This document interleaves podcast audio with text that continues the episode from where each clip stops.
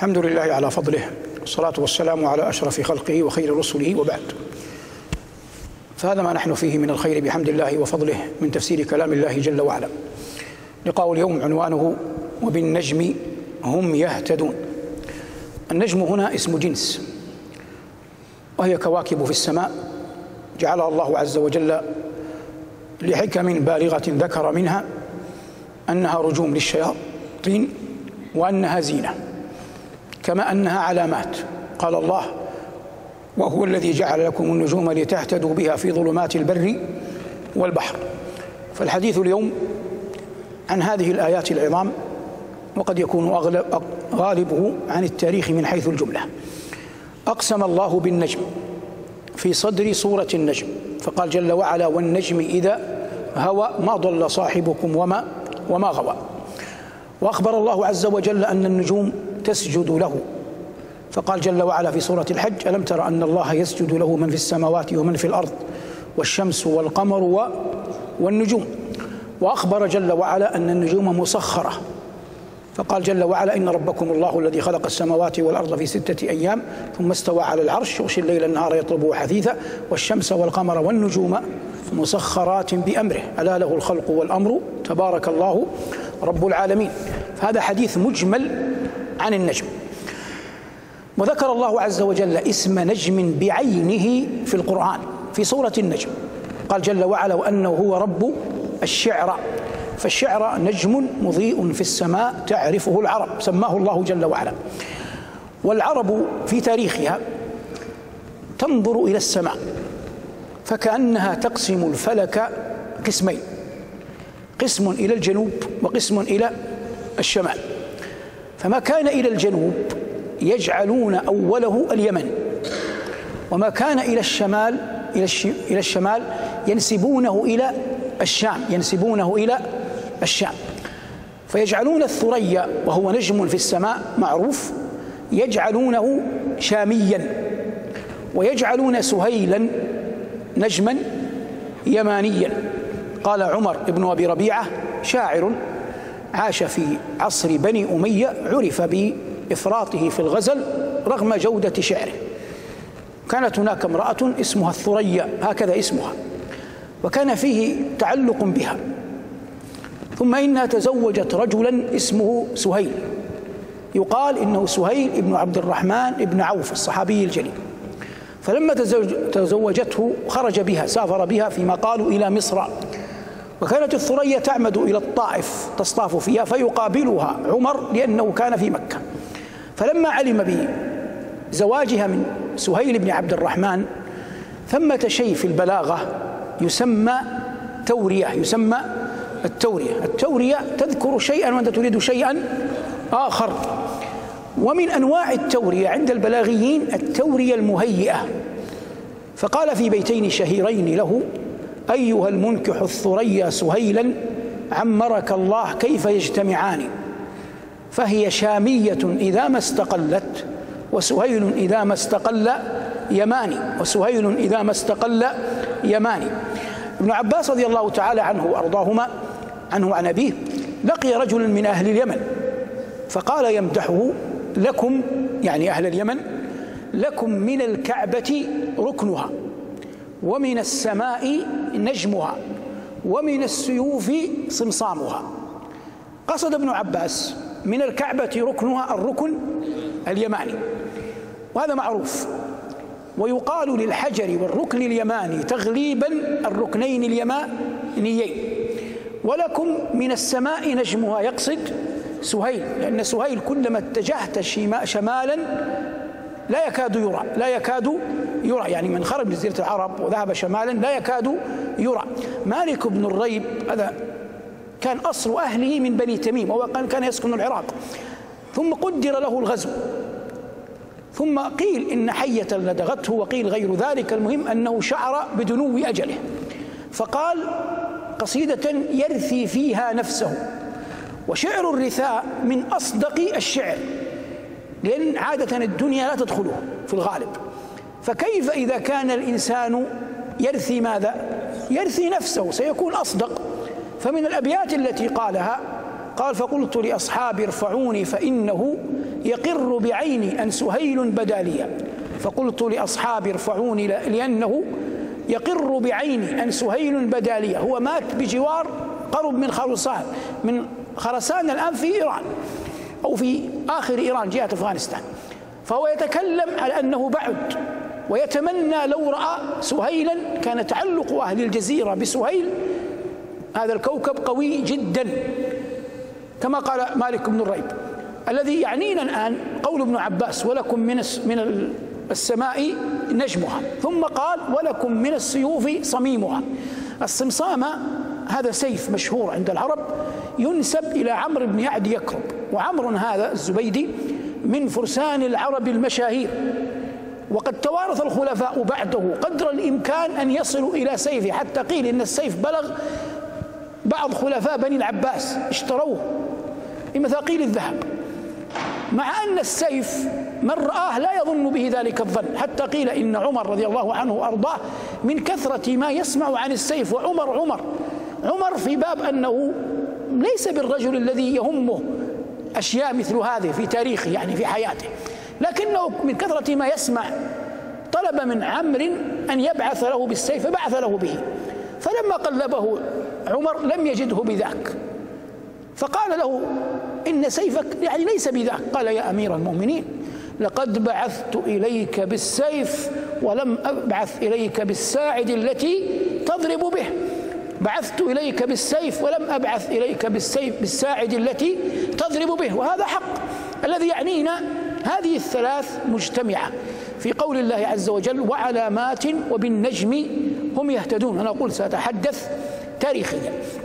لكن مع ذلك جعل الله عز وجل في السماء آيات عظيمة. وقد مر معنا قول الله عز وجل وما تغني الآيات والنذر. وقول الله عز وجل وهم عن آياتها معرضون. وذكرنا حينها أننا نتحدث عن الشمس والقمر والنجوم التي هي آيات عظيمة من آيات من آيات الله.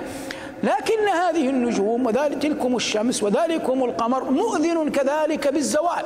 فالله عز وجل يقول إذا السماء فطرت وإذا الكواكب انتثرت. وقال جل وعلا وإذا النجوم كدرت وقال جل وعلا إذا الشمس كورت كلها ستمحى ستزول. ولا يبقى إلا وجه ربك كما قال جل وعلا كل من عليها فان ويبقى وجه ربك ذو الجلال والإكرام.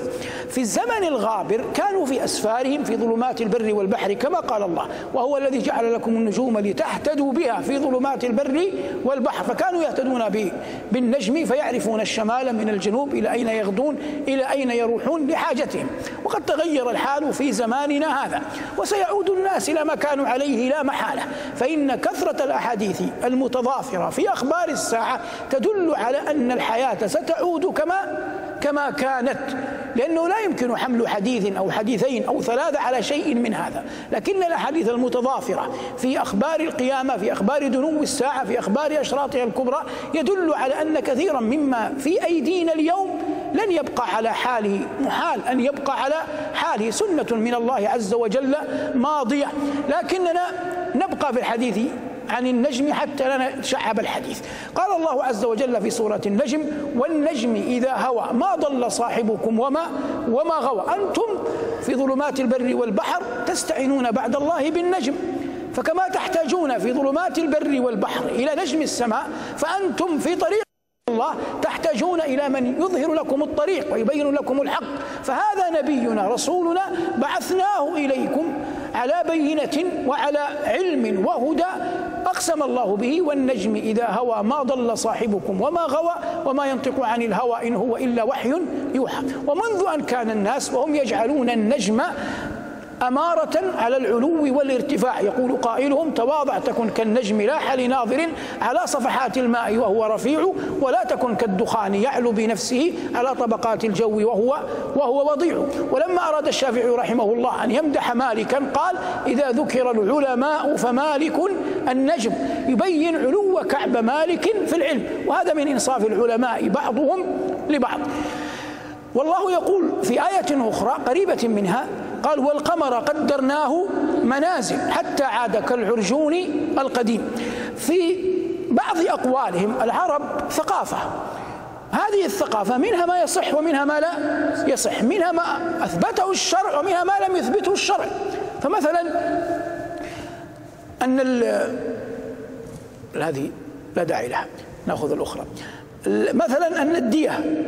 الدية قبل الإسلام أشير على عبد المطلب أن يضع عبد الله في كفة والإبل في كفة حتى لا يذبح ولده. حتى وصلت الإبل إلى مئة فوقعت فوقع السهم على الإبل فنحر الإبل. فأصبحت المئة من الإبل مكافئة لعبد الله. فمضت الدية في ذلك الزمان على أن الرجل بمئة من من الإبل وهذا قبل الإسلام. لما جاء الإسلام أبقى هذا. وأقره على ما هو عليه. وثمة أشياء أخرى لكن كما قلت جلالة الموقف لا تعين على كل مثال. ومن العقل أن يحافظ الإنسان على وقاره خاصة وهو يتكلم في بيت من بيوت الله أو يحدث عن يتحدث عن آيات القرآن. المقصود فمن ذلك أنهم كانوا يقولون الدبران هذا نجم في السماء. يقولون بجواره وبين نجم آخر مكان. يسمونه العرب ضيقة يسمونه ضيقة حتى إنهم لا يصرفونه يعني يعتبرونه علم. هذه لغة عربية عانكم الله. يعتبر يعتبرونه علم فلا يصرفونه. يعني إذا سبق بجر يبقون على الفتحة. لكنهم يتشاءمون به. يقولون إن القمر إذا وصل إلى هذه المنزلة فتلك الليلة ليلة شوم. ثمة شاعر نصراني في زمن بني أمية يقال له الأخطل. الأخطل هذا أضافه رجل تغلبي مثله لأن الأخطل كان تغلبيا فلما أضافه الأخطل من لؤمه كان يرى أن الرجل غير كفء لزوجته زوجة الرجل نفسه كانت تخدمه فكان يرى جمالا في الرجل جمالا في المرأة وغير جمال في الرجل فلا يرى أنهما متفقان فغضب وذم الرجل فطرده الرجل فلما طرده الرجل قال أبياتا يلوم المرأة على أن تزوجت من هذا الرجل. قلنا جلالة الموقف لا أستطيع أن أقول الأبيات الأولى يعني ننزي أسماءكم عنها لكن أنا أصل للشاهد. قال في آخر الأبيات فهل زجرت الطير إذ جاء خاطبا بضيقة بين النجم والدبران؟ فهل زجرت الطير إذ جاء خاطبا بضيقة بين النجم والدبران؟ قلنا العرب إذا قالت النجم تقصد الثريا إذا قالت النجم تقصد الثريا. فما بين الثريا وما بين الدبران مكان يسير. يقولون إن القمر إذا نزل فيه فهو شوم. فهو يقول لهذه المرأة أنا على يقين. هذا الأخطل يقول أنا على يقين أن هذا الرجل يوم أن جاء يخطبك كان القمر في تلك المنزلة.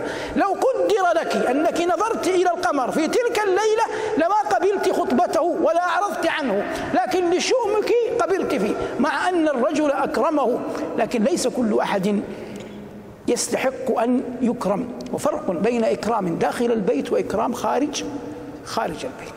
إكرام خارج البيت تتخلص منه. لكن أن تدخل بيتك ويبقى يتردد عليك لا تقبل. إلا أن يكون يغلب على ظنك أن فيه من الخير ما فيه. وحاشا وجوهكم الطيبة يقول المتنبي إذا أنت أكرمت الكريم ملكته وإن أنت أكرمت اللئيم تمرد وما قتل الأحرار كالعفو عنهم. ثم بين أن هذا شيء عزيز في الناس. قال ومن لك بالحر الذي يحفظ اليد؟ والبيت الثاني الذي قلناه هو أصلا بعد هذا. المقصود في قضية استشهاد المتن... الأخطل في منزلة القمر هذه والله يقول والقمر قدرناه منازل حتى عاد كالعرجون القديم والحديث كله عن السماء وما يكون فيها. قال رب العزة وعلامات وبالنجم هم يهتدون. إذا فطريا حاجة الإنسان ملحة لأن يهتدي بأحد.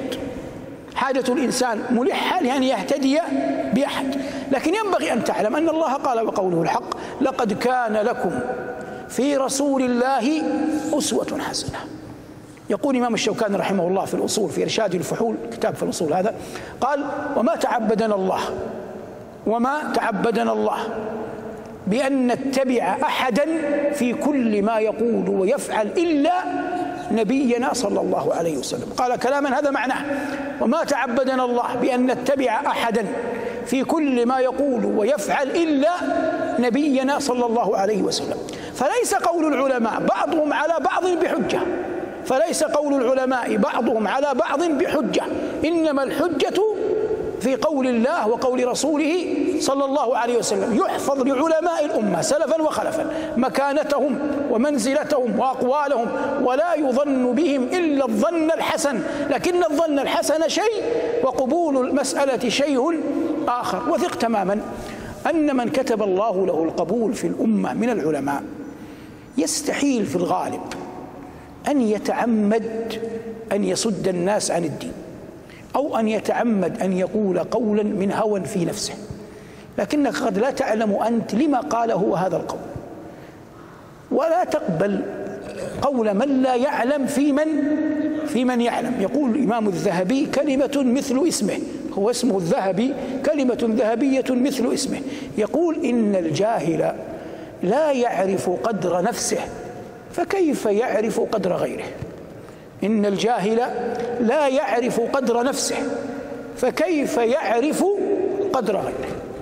ومحال أن تحاكم علماء الأمة إلى عوام أو إلى غوغائيين أو وهذا مهم أن تحاكمه إلى عالم ند ندا له. لا تحاكم عالم إلى عالم ند لن يقول الحق. يقول أبو حنيفة رحمة الله تعالى عليه معاشرة الأضداد من يكمل؟ تفتت الأكباد. معاشرة الأضداد تفتت الأكباد. ذلك نقول نحن من الحكمة لا تخالط كثيرا أهل صنعتك. لا تخالط كثيرا أهل أهل صنعتك. فقلما يكتب الله القبول لأحد في علم أو في غيره. إلا ويحسده أهل زمانه ويؤلبون عليه ويشغبون عليه ويرمونه بسهامهم ونشابهم محاولة منهم لإذهاب ما فيهم. وقد ليس كل أحد يقدر على أن ينزع الشيء الذي في صدره مهما كان. يقول عمر بن ربيعة وكنا قد ذكرناه قبل قليل يتكلم عن امرأة لكن الموضوع الشاهد. قالت وتعرض ذات وتعرض ذات يوم تبترد.